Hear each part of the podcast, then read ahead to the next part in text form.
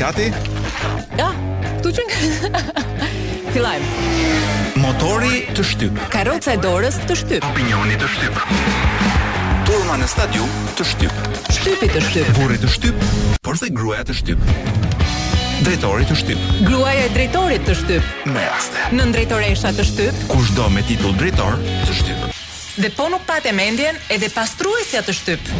TikToku të shtyp. Safeti të shtyp. Shëndetësia falas të shtyp. Por sot nuk është e hënë. Sot nuk është dita për të shtypur. Domethënë sot nuk është e hënë.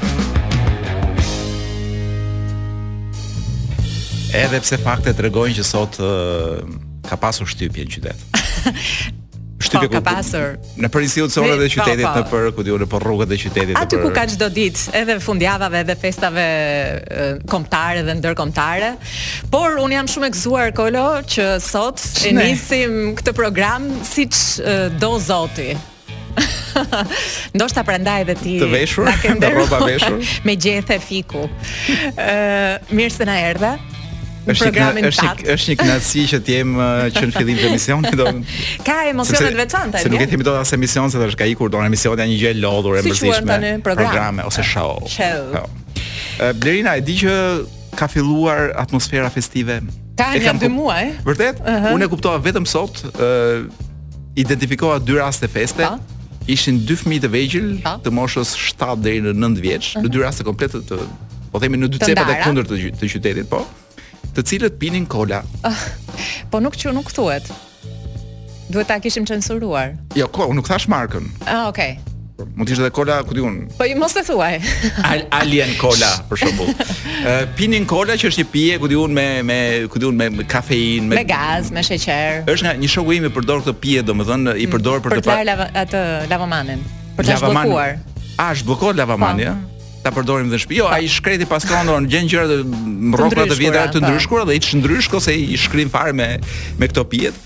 Por tani ka filluar të përdorin dhe kalamajt. Edhe kjo të bën të mendosh është ditë feste. Ja lëshuar të gjithë domethënë. Tani nuk është e hënë, po është Krishtlindje dhe meqense nuk e uruam që në fillim gëzuar.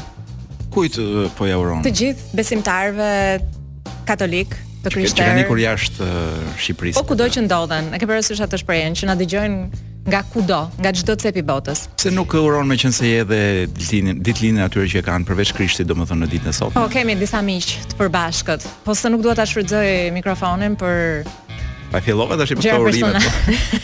Çoje po. çoje deri në fund. Atëherë Kolo, ti e di që ne jemi duke u bër Ne të dy. Ne shqiptarët po bëhemi vegjetarianë. Mos më thuaj. Po. Është një tendencë e ditëve të fundit falë rritjes së jashtëzakonshme të çmimeve të produkteve të mishit, flasim për gjelin e detit patjetër që ka pasur një rritje sipas një eksperti të ekonomisë prej më shumë se 15%, po pastaj po të dëgjosh ata që e kanë edhe një çik inat qeverinë mund të arrijë edhe në 50%. Ëm ehm, dhe sigurisht rritjes së jashtëzakonshme. Unë nuk e kuptoj mirë këtë ankesën për rritjen e, e çmimit të gjelit. Pse? Sepse gjelit mund të rritet çmimi jo thjesht për të rritur çmimin, por mund të jetë një gjel më simpatik se ai që ke blerë vjet për shembull. E qartë. Mund të jetë dhe më i zgjuar. Po sepse pastaj se ti vendos ta hash. Mesatarisht. Atë gjelin ky është problemi jot? Pra nuk flasim për çështje Ti mund ta kishe si fëmijë atë dhe e ke blerë lirë fare dhe nuk kushton sa ç'kushton një fëmijë vërtet. Nuk flasim për raste e, të veçuara, po flasim për një mesatare.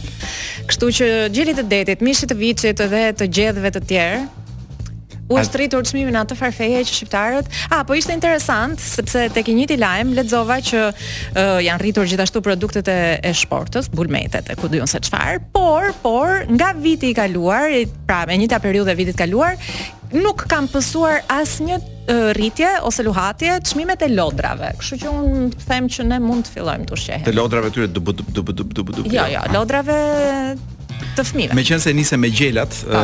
po lexoj një ekspert tjetër, ushqimor ky. Aha. Ëh, i cili paska thënë Baldushku ka gjelat më të mirë. Po, por po. han miell me OMGJ. Pra ky ka nxjerrë edhe një sekret uh, industrial të Baldushkut. Ë, uh, që i bën ata më të shijshëm apo më simpatik? Unë mendoj që i bën gjelat e bald e, e Baldushkut të kenë ca po themi veti prej terapisti Aha. ose psiko, don mund të të fusin edhe në hipnozë, don po i pe gjatë në sy. e qartë. Ë për këtë miellin OMGJ pastaj nuk e di nëse duhet të zgjatemi shumë, po unë di që Jeff Bezos flokët pra, prandaj ranë sepse ushqehej me miell OMGJ dikur. Kështu që Po ne si shumë gjata e kemi për Gjeli Baldushkut nuk meriton miell më të mirë se sa Jeff Bezosi. Aha. Uh -huh. Një lajm tjetër, pa. Po. nuk e di sa të ngacmon është që në Kukës mhm. nuk ka më vend në varrezat publike. Ç'kuptim? Kanë vdekur të gjithë. jo, un kisha idenë që kuksianët vijnë e vdesin në Tiranë, domethënë nuk në Londër në fakt. Ose do hapin me sa kuptoj un parcela të reja, po se nuk e kuptoj mirë nga lajmi ku do i hapin se mund t'i hapin vërtet në Londër. Aha, e kuptoj. Um, me justifikimin që aty nuk ka më, ja, shifeni edhe vetë, zotëri i nderuar, we used to have si thon. Po, but we don't have po. anymore. Ë të të flasë për një ndoshta është një lajm shumë i zi, nuk e di a duhet ta. Ë nuk e di, për Krishtlindje jo. Kam unë një më të gëzuar që vjen nga Instat. Unë do të them prapëseprapë të më gjatë. Ha mirë thuaj ti. Jo, jo, të lutem, fol, më fol çik për Instatin, më ngren çik moralin lart. Instati dua ta rikujtoj çdo herë është instituti i preferuar i statistikave të Kolos. Ose me një renditje të ndryshme. Instat meqë kemi këtë po. radhë. Pra, sipas Instatit, për vitin 2022, rezulton 2 pika që korçarët janë më punëtorët dhe lezhjanët më dembelët. Pse të jem përqeshur se s'e kuptoj. Më lër të jem serioze. Jam shumë kurioz të di nivelin e ekspertizës që ka aplikuar Instati për të nxjerrë këtë lloj Nuk e di sepse pastaj po t'i futesh ore ti mik artikullit të siguroj që nuk kupton më asgjë. Por, unë pasi e lexova të gjithin, shkova pastaj lexova vetëm paragrafe që të mund të isha e qartë, të shkëputura. Edhe siç po thoja, të ishin lezhjanët e një kohe vinin dhe i vinin flakën Instatit tënd. T'iu reputacioni këtë lloj forme. Ç'është më e çuditshmja, Kolo që Tirana dhe Durrësi, që ti mendon punë ka apo s'ka profesionist, janë ndër qytetet dembele duke ofruar një krah pune, le të themi, edhe nën mesataren kombëtare. Tani shiko ti, se kur lexova në fillim Korça më punëtorët dhe Lezha më pak punëtorët, mendova ok, në Korçë ka punë, në Lezhë s'ka punë. Por ja pra që Tirana ma hodhi poshtë dhe Durrësi këtë, sepse thash po, në kryeqytet po punën besoj... mendore që bëjnë tiranasit dhe durrsakët e quajnë këta domethënë. E aty më lë pa fjalë. Të rrish ulur duke u stresuar për hallet e tua dhe të të tjerëve. Blerina do të ta nxij këtë realitet duke thënë që Shqipëria paska mbetur pa veterinerë. Çfarë thua? Po kush e mënyra se si ka mënyra se si e kanë shkruar titullin, uh -huh. e ka shkruar një media që e mban veten për shumë serioze. Uh -huh. E ka shkruar sikur bëhet fjalë për një veteriner, pra Shqipëria ka pasur një veteriner, pra jo veterinerë. Ëh dhe ai ka ikur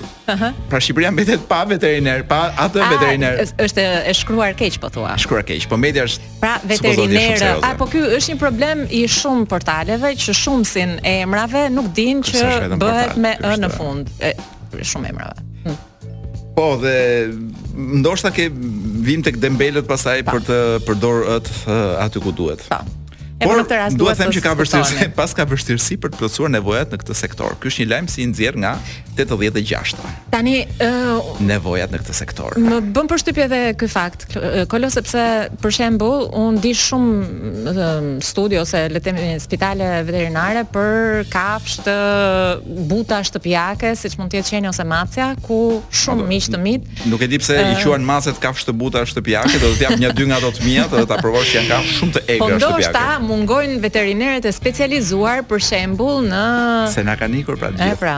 Dhe e thotë dhe Daily Mail këtë gjë, ambasadori i ri i Shqipërisë në Britani hyri ilegalisht me kamion. Dhe kjo është prova reale e pakontestueshme se veterinerët në Angli kanë uh, shtegtuar jashtë. Jo, desha thënë, jo, jo, është provë që po të hysh me kamion në Angli është rrugë e sigurt drejt suksesit. E qartë.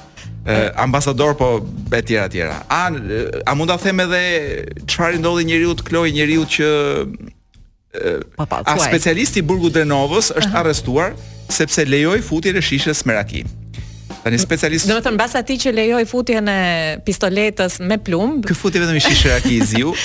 Unë them prandaj quhet specialist sepse Mjeshtër mjeshtër rakie në fund fundit. Po ja nuk nuk, nuk e kuptoj, e kanë eh, arrestuar. E qartë. Të ziun. Bukur, jemi përsëri së bashku. Është ora 18:33, është e hënë, por në fakt nuk është e hënë. Uh, Kolon e kam përballë, që është kolegu im i çdo. Po në fakt nuk është përballë. Po nuk është përballë. ja, përballë. Po mirë të mbjellësh dyshim në mendjet e kujtdo që po dëgjon.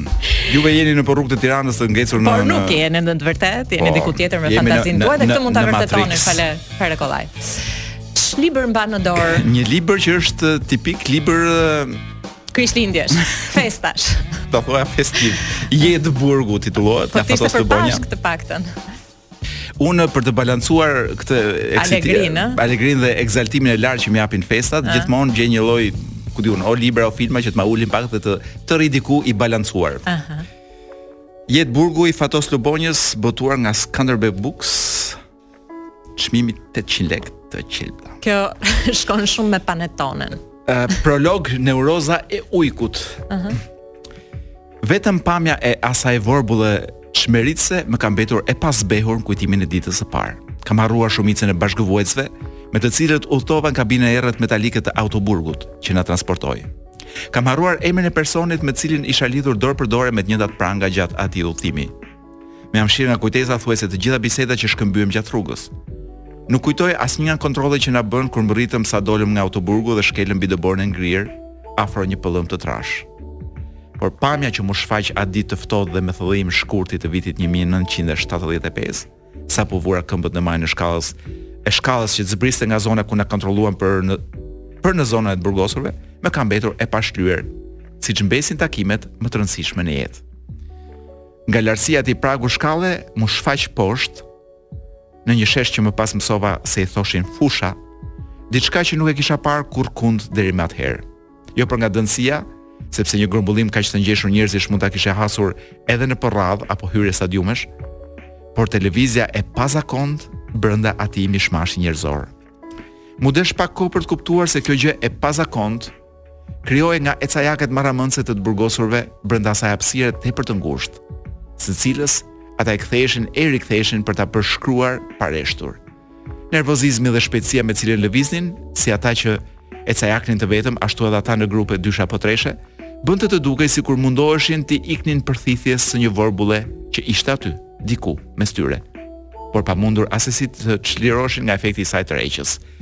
ishte neuroza e ujkut, që kisha provuar në qeli, por që këtu përjetohej në shkallë kolektive. Vetëm disa ditë para se të arrestohesha, më kishin më kishte qëlluar të shihja në televizor një dokumentar mbi sëmundjet psiqike të kafshëve në kopshtet zoologjike të Europës.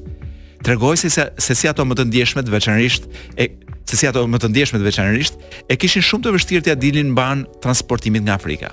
Kishte syresh që edhe vdisnin gjatë udhëtimit, si xhirafat, ndërsa të tjera që manifestonin lloj-lloj sëmundjesh. Kjo shpjegohej me vështirësitë e tyre të mëdha të përshtatjes.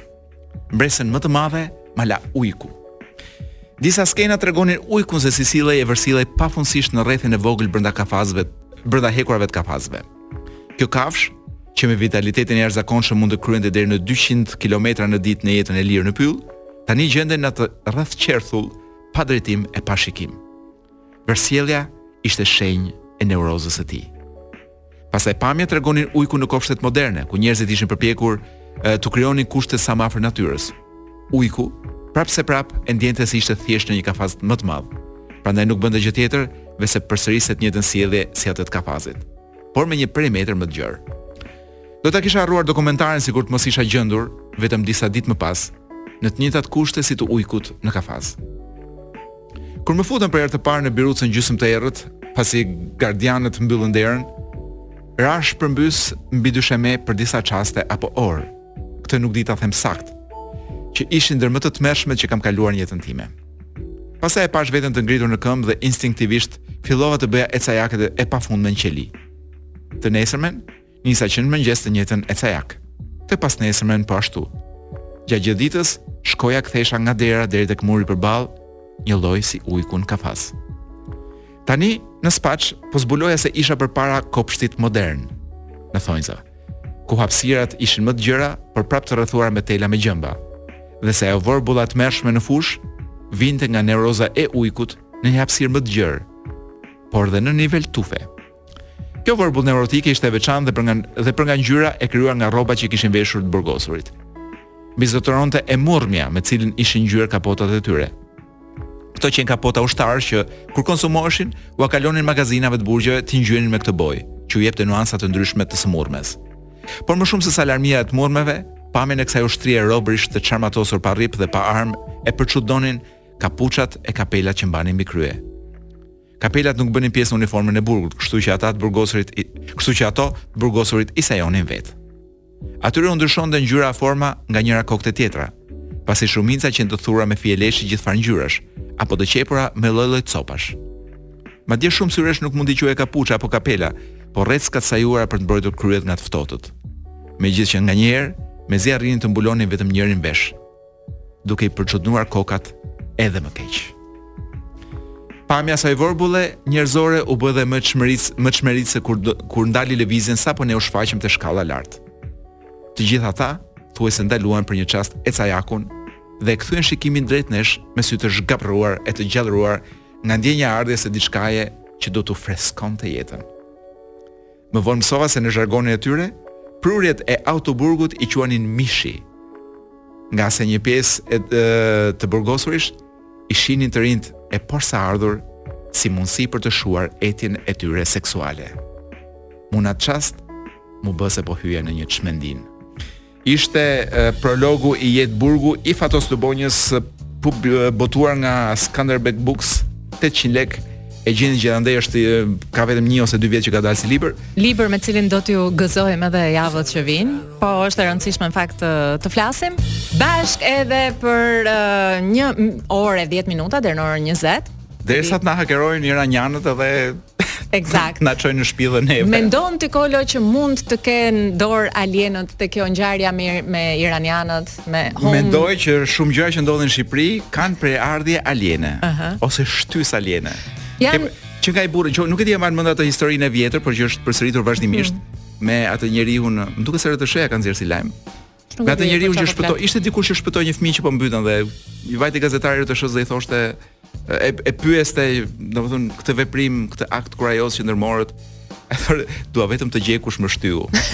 Pra është gjithmonë një alien që shtyn. Po, dhe në, në fakt raste. në vendin tonë ka ngjarje të shumta uh, gjatë vitit cilat ne mundohemi t'i shpjegojmë në një farë mënyre me aq mjete dhe instrumente sa na jep shkenca dhe logjika, por shpeshherë e kemi të pamundur, kështu që Zotit nuk ia lëmë dot të gjitha, jo sot, njerëz, se është Krishtlindje. E ka dhe pushim. E ka dhe pushim, kështu që ia kemi lënë, ua kemi lënë alienëve. Dhe kemi një listë me 10 ngjarje të vitit 2023 ku dyshohet se kanë ndërhyrë alienët. E përgatitur nga kolegu jonë Florenc Zerellari. Bukur. Për shembull, Një ngjarje ku me siguri kanë gisht alienët është arratisja e ish zëvendës kryeministrit Arben Ahmetaj dhe strehimin e tij në një stacion jashtëtokësor në anën e errët të hënës, se përndryshe nuk shpjegohet. Alienët kanë ndërhyrë edhe në vendosjen e kamerave të sigurisë nëpër rrugët e qyteteve, prapa të cilave U mendua se mund të ishin bandat, por në fakt i kanë vendosur alienët për të filmuar veprimet e shqiptarëve në semafor. Dhe thuhet që këto këto filmime alienët i kërkonin si video argëtuese për foshnjat aliene. Besohet se kanë kanë gisht alienët në fjalimin e kryeministrit Rama në Këshillin e Sigurimit në OKB, duke e infektuar me një mikrob alien me origjinë nga retë e Afërditës. Uh, Alienët kanë ndërhyrë dhe në rritjen e numrit të turistëve që vizituan Shqipërinë për të ulur vlerën e euros. Sepse dihet që alienët importojnë fshehurazi nga Shqipëria vaj ulliri të virgjër dhe deshën ta na e merrnin me çmim më të lirë. Mund të kenë ndërhyrë në vizitën e Melonit në Shqipëri për të analizuar reagimin e medias shqiptare. duke e ofruar këtë pastaj si një projekt shkollor të alienëve gjimnazistë. Po sigurisht Shqipërinë un un mendoj që Shqipërinë dhe sidomos Ballkanin ia kanë lënë gjimnazistëve alienë që të merren. Alienët kanë ndërhyrë dhe në video skandalin e Safet Gjicit duke dërguar sepse Le të themi që kamerën duket shumë qartë aty që e mbanin alienë të padukshëm. Një dorë e padukshme. Por gjithashtu mendohet ose të paktën vetëm kështu mund të shpjegohej arrestimi i Sali Berishës si hakmarrje për piramidat sepse mendohet që disa shkollarë uh, alienë besojnë që marrja pjesë në piramidat shqiptare falimentoi qytetërimin alien të hënës në Saturn. Alienët kanë ndërhyrë dhe në rritjen e pagave të deputetëve dhe ministrave, dhe këtë kanë bërë, pra u kanë rritur pagat deputetëve dhe ministrave në këmbim të palcës së tyre kurrizore. Po ç'e duan? Ç'e duan? U bëjnë injeksione grave aliene kur janë shtatzënë. Bën mirë thonë palca këtyre. Aman. Mirë, mund të kenë ndërhyrë në kualifikimin e Shqipërisë në Evropian duke fryrë topat e ndeshjeve me hidrogjen Të një vrime të zezë. Dhe mos më thuaj që nuk e beson që ka meqenëse kryeministri s'kishte gisht në arrestimin e Fredi Belerit, uh -huh. sigurisht që ka pas një ndërhyrje aliene. Qëllimi është shumë i qartë, ata duan më vonë të vinë të pushtojnë Himarën për ta bërë atë një minoritet alien. Po sigurisht që dihet që 2023 ishte edhe viti i zgjedhjeve vendore dhe e, i disa e, fitoreve të pashpjegueshme, kështu që mendohet që në zgjedhjet vendore mund të kenë ndërhyrë alienët duke u fshirë memorien komisionerëve për të lënë persona të caktuar të votonin qindra herë. Dhe një rast i freskët i ndërhyrjes aliene ishte edhe festivali i fundvitit, ë ku ndërhyrja ishte shumë e qartë në në, në gjitha aspektet artistike dhe organizative. Thuhet që qëllimi është që të gjitha ndërhyrjet pra të alienëve në këtë festival ishin për ta përdorur atë si torturë në burgun si mjet torture në burgun alien të Uranit. Po ka dhe ngjarje të tjera ku kanë ndërhyrë alienët, ku di unë takimi i Ramës me McGonigal ka qenë në fakt një takim tresh. Ai i treti për cilin nuk flitet është uh, sigurisht një alien. Aha. Pastaj kemi takimin e fshehtë mes Taulant Ballës dhe Lul Bashës. Aha. Njëri nga ata ka qenë alien. Jo, jo është i ziu. Ka pasur të inkorporuar një alien? po ka një kështu që i rri në kurriz domethënë dhe i flet në vesh. E qartë. Braçe kur foli për ditët e ciklit, pra kemi shumë raste të ndërhyrjes së alienëve. dhe llaçit që bëjnë në trurin e, e politikës Por, shqiptare. Por na lejoni të bëjmë një duartrokitje virtuale për kolegun tonë Florencin, i cili përgjatë gjithë sezoneve të këtij programi na ka ndihmuar me këto bravo Kloi, faleminderit. Me këto lista me shumë kreativitet dhe fantazi. Do të jeni në shoqërinë time Blerina dhe të kolegut tim Coloreto edhe për rreth 50 minuta. Ndoshta edhe të Kloit përpara se t'ia heqim të drejtën e fjalës njëherë e mirë. Edhe të Kloit patjetër. Blerina ke vënë re se sa shumë njerëz pavarësisht depresionit, mungesës së parave, po dëgjon vazhdimisht për njerëz që udhëtojnë. Ku? Kush janë këta? Njoh unë ca njerëz. Po jo vetëm njoh, po ndihem i rrethuar nga njerëz që vazhdimisht udhëtojnë. Mhm, në Unazë. E kalojnë nganjëherë dhe unazën e Saturnit edhe dalin dhe përtej sepse ky udhëtimi është një gjë shumë interesante. Ëh. Uh -huh. Ë sidomos kur jeta që ti bën nuk është, si me thënë, më e mira e mundshme. Pa. Po. Është shumë bukur që të udhëtosh dhe të imagjinosh. Ëh. Uh -huh. Se si mund të ishte jeta jote për shembull. Po, duke jetuar për shembull në Vjenë ose në pa. Po. Paris. Atje bën bën ca foto aty ai pallati, ku di unë, mbretëror, perandorak i Vjenës, uh mhm. -huh. ku di unë, shkon nëpër muzera, po edhe të krijohet ideja që për pak kohë ke mundësi të të ndihesh sikur do jetoje një jetë tjetër. Më fol me emra konkretë, shumë përgjithësi nuk dua. Thuaj emrat e miqve të tu që shkojnë dhe bëjnë fotografi në pallatin mbretëror.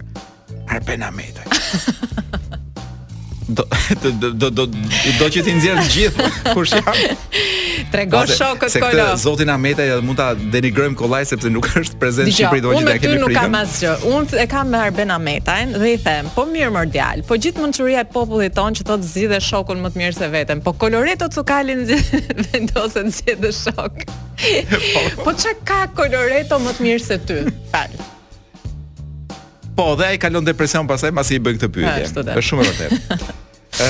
e dashur Blerina, nuk e di a ke marr vesh, po do të tatohen shumë njerëz në këtë vend. Do çfarë? Çfarë do të thotë kjo fjalë? Ë Ke parasysh ato fjalët e, e para të njeriut? Don një nga pesë fjalët e para që thotë shqiptari është ta, tatime, tatime, thosh. Nuk është ta ta ta ta tatime. Ë Mendoj që si do na tatojnë në burim. mendoj, jo, un mendoj që do na do na tatojnë mirë e mirë. Ëh, uh -huh. të gjitha profesionet që konsiderohen nuk e di pse të lira. Ëh. Uh -huh. Do unë mendoj lira, që do të thotë me pak lek.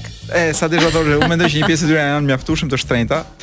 Dhe vura re që ëh po shikoja listën e këtyre mm -hmm. profesioneve që do të të tatohen domethënë mm -hmm. me 15% mhm.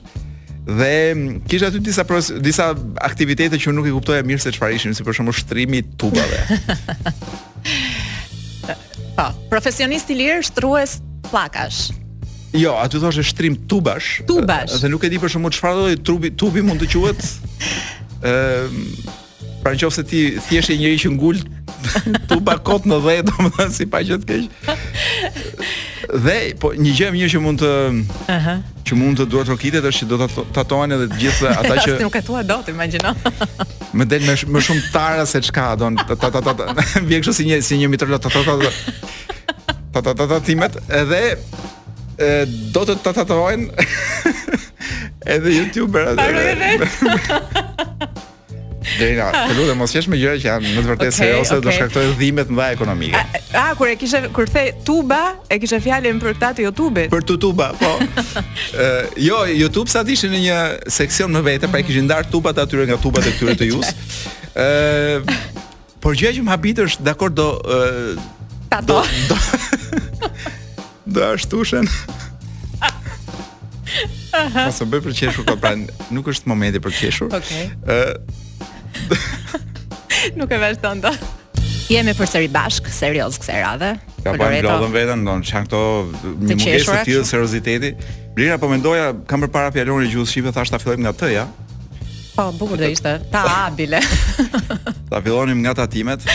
Por më ngeli pa thënë një lajm shumë i rëndësishëm për për YouTube, po ndoshta e themi vitin që vjen. Dakor. Për për këta që do të tatohen për produktet e tyre në Shika, YouTube në Unë them që mund ta thuash sepse shumë njerëzve me qenë se dhe i ngacmuan. Jo, nuk e di a e them dot sepse kemi të bëjmë me një fjalë tjetër që është TikToku.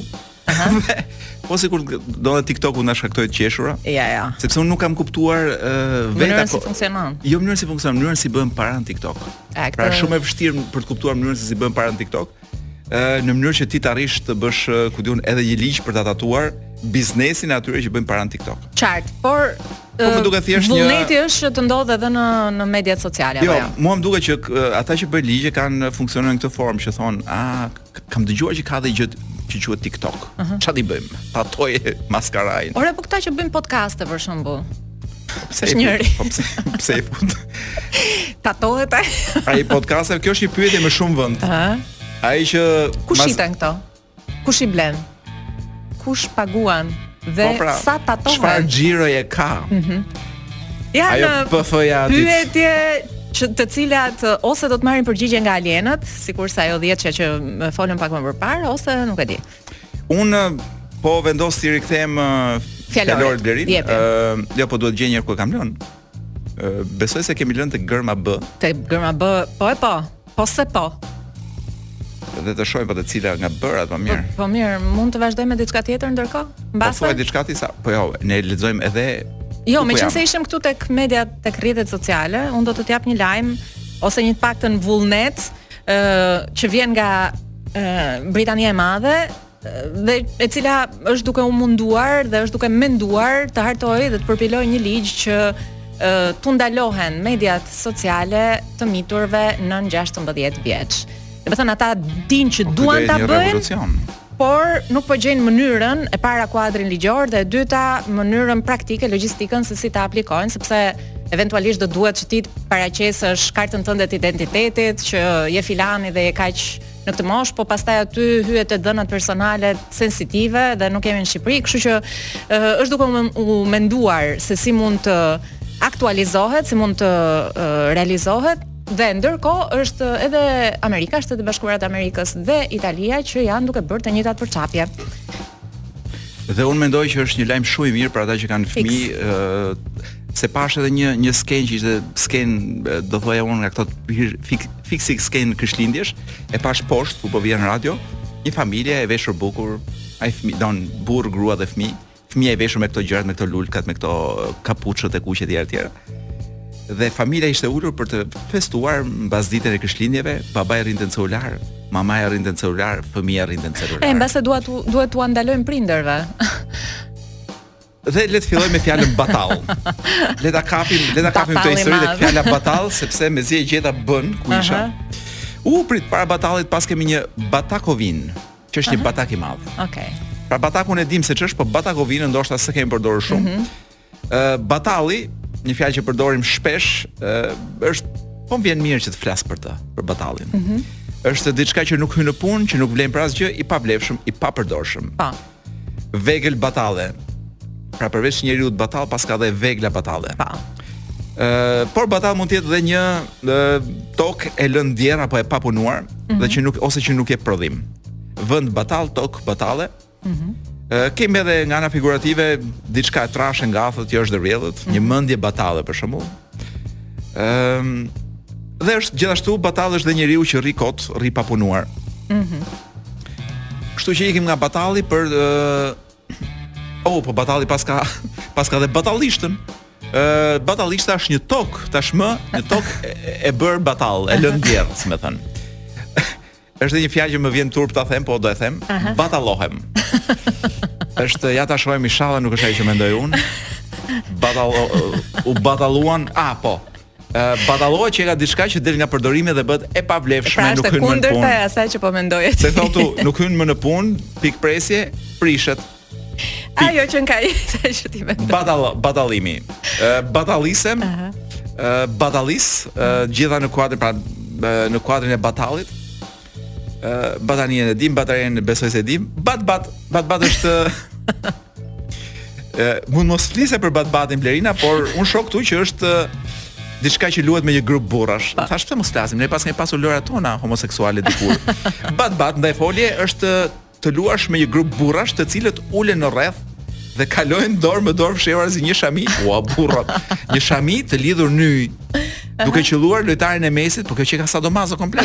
Duke qëlluar lojtarin e mesit derisa ai të gjej atë që ka Gjak shami. nga hundët. dhe ta fshi me shami. Ose mund të jetë diçka që çohet bat bat, diçka që shtyhet me sot e me nesër. Buk. Ja erdhi ky momenti që u qajmë hallin të huajve. ë të huajve këtë radhë gjermanëve. Gjermanëve. Se janë bërë për t'u qarë halli në fakt. Të paktën ky lajmi, ky lajmi që kam unë në duar, mm -hmm. domethënë s'guxoj të prek as laptopin se është është zjarr, zjarr. si lajm.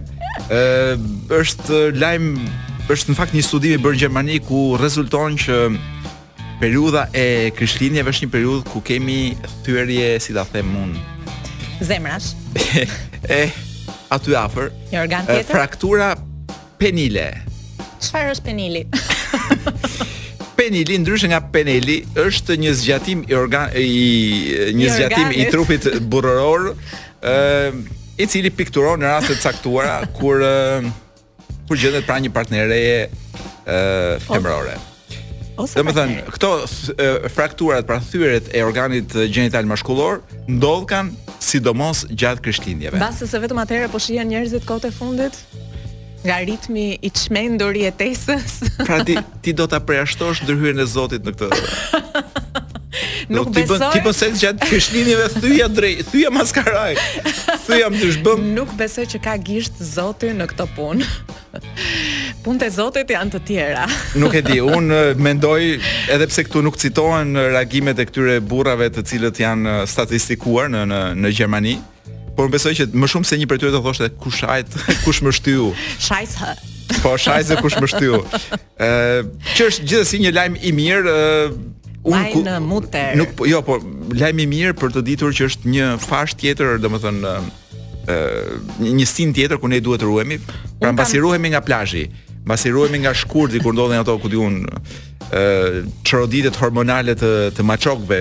Tani duhet të ruhemi edhe nga periudha e krishtlindjeve. Tani ti e di që unë jam ë uh, si thonë po solution or oriented, solution oh. oriented. Edhe kam një pyetje në këtë rast. Një bie, mijëra ngrihen, është është diçka. Është përgjigja popullit shqiptar. është diçka që ngjitet prap. Në qoftë se do hyjmë në këtë në po themi në këtë aspekt mjekësor. Mjekësor, studimor, shkencor, mund të them që si çdo organ tjetër që thyhet, duhet jo, duhet fashuar. Oho. Në dijenin time, pa dashur të bëj si specialist, por kemi qenë të rrethuar vazhdimisht nga shokë që kanë rënë në betejë dhe kanë thyer dhe hundën. Kanë thyer dhe armët e, e, e luftës. E qartë. Një studim tjetër tregon që Nga vjen ky tani na thuaj. Ky është ja ta gjej, ky është nga Britania. Okej, okay, të shkretat. Mm. Jo, të gënjeva. Huh. Është nga Izraeli, është po duash ta them nga jo, jo, Weizmann i, Institute of Science. Jo, se do na e marrin për të cilët paskan kuptuar që paskan kuptuar që studiuar dhe dhe kuptuar që si ta them unë? Thuaje me fjalë të thjeshta. Po, ja, do përpiqem ta them me fjalë jo seksuale, uh, nuk dua të them as lëpirje, as thithje, po ngjërimi, ngjërimi i i i lotëve të një gruaje, ëh, uh -huh. ul dhe zbut agresivitetin tek një burrë. Po derisa të arrim aty ama agresiviteti është në maja. Ky është halli, pra që si t'ia bëjmë që t'ia, domethënë që të na të na davaritet ai agresivi. Por unë mendoj që mund të për shkak mund të shpërndahen lot në për burgje. Lot grash. Po nëpër flakone. Do si punë ilaçi për të zbutur një çik. Kam përshtypjen që kjo është e lidhur. Zemrat e është e lidhur keqas me dëshirën për ta parë atë gjë dhe pastaj për të ngushëlluar nga rezultati.